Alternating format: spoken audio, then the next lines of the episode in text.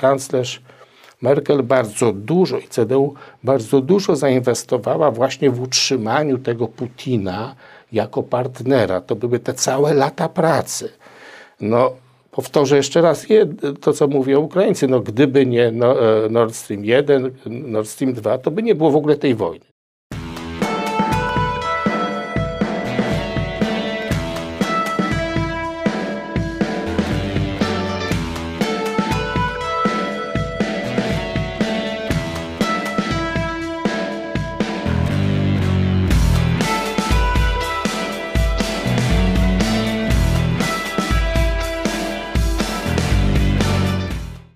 Dzień dobry Państwu. To są rozmowy najważniejsze. Ja nazywam się Mateusz Krawczyk. Dzisiaj oczywiście będziemy rozmawiać no, o tym, co najważniejsze, o Ukrainie, o agresji rosyjskiej na Ukrainę. Moim gościem jest pan profesor Jacek Czaputowicz, minister spraw zagranicznych Rzeczpospolitej Polskiej w latach 2018-2020, profesor Uniwersytetu Warszawskiego. Dzień dobry, panie ministrze. Dzień dobry panu. Dziękuję, dobry. że znalazł pan czas na to, żeby dzisiaj z nami porozmawiać, bo sytuacja jest nadzwyczajna i, i dynamiczna. E, najpierw chciałbym zacząć od pytania, podstawowego, na które zdaje się wszyscy chcemy teraz znaleźć odpowiedź. Jak do tego doszło? E, jeden z naszych autorów, Dawid Patikajokos, e, na naszych łamach napisał, że coś Putin oszalał. E, no i cóż, z pewnością możemy, możemy przystać na, na po prostu taką, taką jednoznaczną, jednokierunkową opinię, mówiąc, że psychopata czy szaleństwo. Tylko wydaje mi się, że jest tutaj coś więcej. Co doprowadziło do tego szaleństwa Putina? Czy to jest naprawdę szaleństwo? Tu raczej w teorii się przyjmuje, że, że państwa i w tym liderzy są racjonalnymi aktorami. Na to tak trzeba spojrzeć. Po prostu decyzja Putina wynikała z kalkulacji zysków, strat, z realizacji strategii. Dąży do odzyskania pozycji Rosji, mocarstwowej pozycji Rosji. Ocenił, że ma szansę to zrobić. Ma sprzyjające okoliczności. Te okoliczności to w jego ocenie słaby prezydent w Stanach Zjednoczonych, zresztą wycofanie z Afganistanu też osłabiło wizerunek prezydenta, podzielona Unia Europejska, sojusznicy w Unii Europejskiej, był o tym przekonany, że są, będą państwa, które będą bronić pozycji Rosji, ich interesów takich jak budowa Nord Stream 1, Nord Stream 2, współpraca gospodarcza, także to była kalkulacja. Z tym, że oczywiście mógł się przeliczyć i tutaj to jest inna sprawa. Zawsze jest pewne ryzyko, ocenia może że łatwiej to pójdzie, a jeszcze konflikt się nie zakończył. Zobaczymy, jak to wszystko się rozwinie. Ale na razie rzeczywiście jest w defensywie. Tylko, że powiedział pan y, minister o rachunku zysków i strat. Ten cios ekonomiczny dla Federacji Rosyjskiej jest rzeczywiście ogromny i z tego, z, pierwszych wypowiedzi, czy to ministra spraw zagranicznych Federacji Rosyjskiej Sergeja Ławrowa, czy samego Putina, oni się brali pod uwagę, że, że może być SWIFT, że może być odcięcie rosyjskich banków od międzynarodowego systemu płatniczego, że mogą być inne sankcje Unii Europejskiej. Rosja nie bierze pod uwagę e, ekonomii. Poczekajmy, jeszcze SWIFT nie jest wprowadzony, jest zapowiedziany. Mam nadzieję, że będzie. Rosja tutaj po pierwsze liczyła, że jedność państwa, które są w tym mechanizmie SWIFT nie osiągną, że ma tam swoich sojuszników. Zresztą e, to są te państwa, które blokowały przez kilka dni dyskusje na ten temat, były przeciwne e, wprowadzeniu tego rodzaju sankcji. Zobaczymy jeszcze, jak, jaki efekt ta sankcja odniesie. Natomiast e, też Putin się do tego przygotowywał. Mimo wszystko dla niego odbudowa pozycji mocarstwowej Rosji poprzez, bo tak to kalkuluje, przyłączenie Ukrainy, czy zainstalowanie tam y, sprzyjającemu mu rządu, to jest gra warta y, ryzyka. Oczywiście się przeliczył. Tu myślę, że główny problem to nie te sankcje, i to jest duże zaskoczenie, myślę, obserwatorów też na świecie i też sojuszników Putina, w pewnym sensie ten opór ukraiński, który trwa i trudny jest do przezwyciężenia. To jest bardzo duża porażka Putina, no i tych, którzy na Zachodzie, bo przecież to tak trzeba widzieć, którzy mówili ambasadorowi Ukrainy y, w Berlinie, że pomocy nie udzielą, bo przecież Ukraina i tak za chwilę padnie. I w zasadzie tak życzyli, żeby jak najszybciej opanował tą sytuację Putin, wprowadził ten swój rząd, zajął tę część terytorium Ukrainy, żeby wrócić do tego biznesu jak wcześniej. Okazało się, że ta postawa Ukraińców uniemożliwia to i opinia publiczna tutaj podniosła głos przeciwko rządom w państwach zachodnich i mamy to, co mamy, czyli To jest główne zaskoczenie i to jest główny problem e, Putina. Czyli można wnioskować, że cóż, Putinowi czy Federacji Rosyjskiej odpowiadałby układ, kiedy cóż, państwo jest ekonomicznie słabe, ale coś na kształt imperium, żelaznej kurtyny, strefy wpływów i kontroli między, między granicą Polski a resztą. e, Nie, ja nie widzę. Putin nie uważa, że będzie państwem słabym, że to ciągle ma te pewne przewagi y, Rosja w postaci gazu. Y, Inne państwa są uzależnione od tego, innych surowców, y, przemysłu, no też siły zbrojnej, która tutaj pomaga.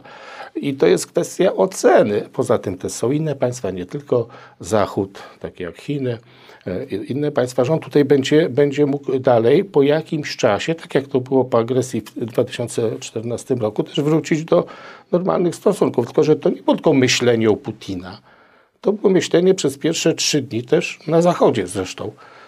Tutaj jest dość silna odpowiedź przewodniczącego Europejskiej e, Partii Ludowej, który powiedział, że Niemcy się pohańbiły w tej sytuacji. To są bardzo poważne rzeczy. Natomiast też minister spraw zagranicznych Ukrainy zwraca uwagę, no, gdyby y, Niemcy nie działały tak, jak działały od 2008 roku, to by nie było tej wojny.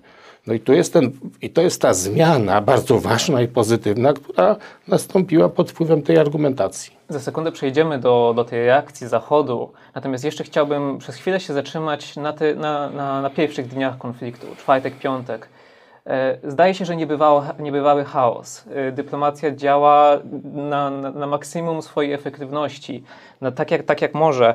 E, Zdaje się, że mimo tego, że od stycznia de facto cały czas o tym dyskutujemy, że Stany Zjednoczone dzielą się informacjami wywiadowczymi z, z państwami sojuszniczymi, że mówimy o potencjalnym ataku, Stany Zjednoczone wyznaczały potencjalne kolejne ich daty, to gdzieś to zaskoczenie jednak wystąpiło.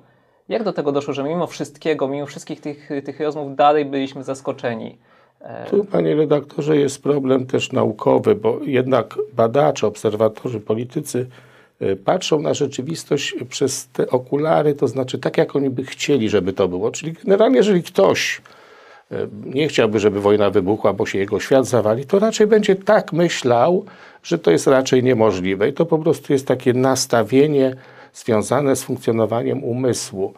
To zaskoczenie było z jednej strony tym atakiem, rzeczywiście, bo chociaż z mojej pers- perspektywy oceny, jak pamiętam te dni, kiedy też się wypowiadałem, to uważałem, że no nie może sobie prezydent Stanów Zjednoczonych pozwolić na takie stwierdzenia dotyczące wojny, jeżeli one by nie miały bardzo poważnych podstaw.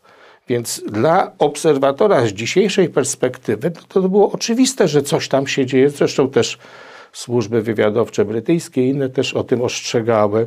Poza tym też te działania, na przykład to bardzo znamienne ewakuacja z Ługańska i z Donbasu, z tego regionu ludności cywilnej, kobiet, dzieci, no to przecież to się nie robi po nic. Więc to było widoczne. Natomiast te drugie zaskoczenie, które jest, i na to zwracam uwagę, bo to jakby umyka w dyskursie, to te zaskoczenie, że ta Ukraina nie padła za dwa dni, tak jakby wszyscy sobie niektórzy życzyli, żeby no jakby rozwiązać problem i wrócić do tych działań. No bo przecież jaką wymowę ma zakaz dostarczania broni przez państwa bałtyckie, przez Holandię, wprowadzony przez Niemcy? No chyba nie po to, żeby Ukraina walczyła, prawda? I to ja tu powtarzam te argumenty, które są wysuwane przez samych Ukraińców, że tutaj no, Niemcy raczej działały w ten sposób, jakby były sojusznikiem Putina. I to się zmieniło i to jest bardzo, tak powiem, zasadnicza zmiana w myśleniu pod wpływem opinii publicznej i światowej, i wewnątrzniemieckiej. To jest pozytywna bardzo zmiana, natomiast o takich o dużych konsekwencjach. I to jest ta strata dla Putina, tego sojuszu niepisanego, obrona interesów e, Rosji przez niektóre państwa. Właśnie. E, pamiętam rozmowy w czwartek, piątek z moimi przyjaciółmi z Ukrainy, którzy dzwonili do mnie e, z media w Kijowie i mówili, znaczy Mateusz, co się dzieje? E, przecież rozmawialiśmy o tym, wiedzieliśmy o tym, ile my możemy jeszcze zrobić, no bardziej nie umrzemy, e, żeby, żeby Zachód się obudził i nam pomógł. Teraz rzeczywiście zdaje się, że po tych kilku dniach e, coś się zaczyna zmieniać e, i, i to, co teraz zdaje się być pytaniem, to czy to się zmienia na ty, w sposób trwały? Czy może to, o czym e, powiedział świętej pamięci prezydent Lech Kaczyński, E, teraz Gruzja, jutro Ukraina, później państwa bałtyckie, a w końcu przyjdzie dzień na Polskę. E, też nas czeka. Ile mamy czasu na ten scenariusz? No tutaj teraz te słowa prezydenta świętej pamięci Lecha Kaczyńskiego, one wybrzmiewają też na Zachodzie. Zachód mówi językiem Lecha Kaczyńskiego i to jest bardzo pozytywny objaw. To jest bardzo dobrze, bo dokładnie tak się prezentuje te zachowanie Putina i te zagrożenia. Myślę i mam taką nadzieję, że ta zmiana jest trwała, bo to już punkt zwrotny nastąpił w tym oświadczeniu przez y, premiera Scholza, kanclerza Scholza tej zmiany polityki. To był wynik jakichś wielkich, szybkich i przewartościowań. Pomogło to też, że jednak nastąpiła zmiana kanclerza, bo myślę, że mimo wszystko różnie się to interpretuje, ale że kanclerz Merkel bardzo dużo i CDU bardzo dużo zainwestowała właśnie w utrzymaniu tego Putina jako partnera. To były te całe lata pracy. No, powtórzę jeszcze raz to, co mówią Ukraińcy. No, gdyby nie no, e, Nord Stream 1, Nord Stream 2, to by nie było w ogóle tej wojny. No, to jest pytanie teraz o winę, prawda? Oczywiście politycy będą od tego uciekać i żeby przykryć jakby te błędy, na pewno myślę zmienią to swoją politykę. Zresztą nastąpiło to zrozumienie e, zagrożenia ze strony Putina w ogóle dla ładu międzynarodowego, tego zachodniego. Nie obawia się pan minister, że może nastąpić i to niedługo taki moment, że jeśli oby doszło do zawieszenia broni, zaczną się pojawiać głosy z czołowych polityków niektórych państw europejskich, no dobrze, znaczy jesteśmy już po konflikcie, więc odblokowujemy, wracamy do normalności, Rosja zrozumiała swój błąd? Nie chciałbym e, tutaj spekulować, jaki będzie efekt tych rozmów. To nie jest takie dla mnie oczywiste. Trzeba uważać, bo wojna się tym charakteryzuje, że małe przyczyny mają ogromne skutki. Więc różnie się to wszystko może rozwinąć. Na przykład wypowiedzi brytyjskie wskazują, że to będą dziesiątki tysięcy strat, że konflikt będzie wieloletni. Wielka Brytania ogłosiła, że nie zabrania swoim obywatelom wstąpienia do armii ukraińskiej jako tej armii, tej, tej części międzynarodowej, więc tu raczej idzie nastawienie na bardzo długi i ciężki konflikt, który zmieni mentalność. Już ta mentalność w dużym stopniu została zmieniona, więc to mamy ekstremum z drugiej strony. Trzeba brać to pod uwagę. Dlatego myślę, że generalnie gdyby nastąpiły rozmowy i gdyby Ukraińcy zgodzili się na jakiś efekt, to byłoby w ogóle dobre, bo trzeba e, zachować pokój. Natomiast to, co już Putin pokazał, myślę, że już jest wystarczające do tego, żeby trwale zmienić tą politykę. No jedyna szansa, i tutaj jest szansa też dla Polski, dla państw bałtyckich, i to następuje, to jest właśnie zupełna izolacja Rosji, bo to jest tak bardzo niebezpieczne w przyszłości. Nawet gdy on teraz ustąpi, to będzie wiadomo, że tylko dlatego, że był, nie odniósł sukcesu cała wielka gra, jak umożliwić wyjście z twarzą Rosji, to, jak to dalej można e, wszystko wytłumaczyć w społeczeństwie rosyjskim. Według mnie to jest bardzo skomplikowane, więc też trudne i też trudno sobie wyobrazić, że Ukraińcy to zapomną i że Rosjanie to zapomną i że Putin tą porażkę e, i to upokorzenie, które następuje ze strony Ukraińców, jego, jego armii, że on to tak przełknie. Wspomina pan minister o porządku światowym, o ładzie, o tym, że doszło do trwałej zmiany. E, w pierwszy dzień po inwazji rosyjskiej na Ukrainę magazyn Time opublikował kładkę, której e, napisał powiód historii. No w pewien sposób specyficzne, że właśnie wojnę rozpatrujemy jako ten powiód historii, E, natomiast to, o czym intuicyjnie ja pomyślałem, to że razem z, tym, z tymi wojnami XX wieku jednak się jakiś ład rodził. E, mówię o prawie międzynarodowym, o prawach człowieka, o, o, o konwencji uchodźczej, która teraz jest bardzo jest, jest w działaniu w Polsce i w innych krajach, pomagając naszym przyjaciołom z Ukrainy. Czy jest szansa, mm, że to, co, od czego się obawialiśmy od lat, że ten porządek międzynarodowy e, jest podważany i przejdzie do, do historii właśnie, e, zostanie też odwrócony, że może ten powiód historii to nie tylko powiód wojny, ale że to, co obserwujemy teraz w Radzie Bezpieczeństwa ONZ, e, wysiłki naszej dyplomacji też między innymi, żeby przed zgromadzeniem ogólnym potępić rosyjski atak, że te instytucje na nowo, czy będą działać tak, jakbyśmy tego chcieli. No ja myślę, że jest to powrót historii, bo jednak ONZ to jest kilkadziesiąt lat, z Ligą Narodów to jest sto kilkanaście lat. to są te nowe instytucje społeczności międzynarodowej, prawo międzynarodowe, do tego się zalicza organizacja międzynarodowa też jako te instytucje społeczności. To jest pewna nowa rzecz. Ta historia jest głębiej zakorzeniona, bo wojny są, że tak powiem, cechą stosunków międzyludzkich. Sztuki Dydes, V wiek przed naszą erą, opisał wojnę peloponeską, która jest wzorem w ogóle też dla dzisiejszych stosunków międzynarodowych. Myślę, że to jest dość trafne powiedzenie i porównanie, powrót historii w sensie do tradycyjnych konfliktów polityki siły. To następuje wtedy, kiedy e, są zmiany równowagi siły i przesunięcia siły. Wtedy i tutaj Rosja korzysta z tego momentu. Tu jest też oczywiście rola pewna Chin bardzo ciekawa. Myślę, że to jest jeszcze do rozważenia samych Stanów Zjednoczonych. Są różne głosy. Z jednej strony Stany Zjednoczone, ja tak to czytam, muszą reagować, tak jak Ateny w wojnie peloponeskiej, bo jeżeli nie będą reagować jako mocarstwo, e, tak jak w wypadku Afganistanu, to będzie zły przykład dla innych. I właśnie Putin e, to tak czyta, słabość Stanów Zjednoczonych, więc one sobie nie mogą pozwolić na to, żeby ktoś burzył ład. Natomiast z drugiej strony to są głosy izolacjonistyczne. To nie nasza sprawa. Dlaczego my tam mamy e, do Europy jakieś wojska wysyłać?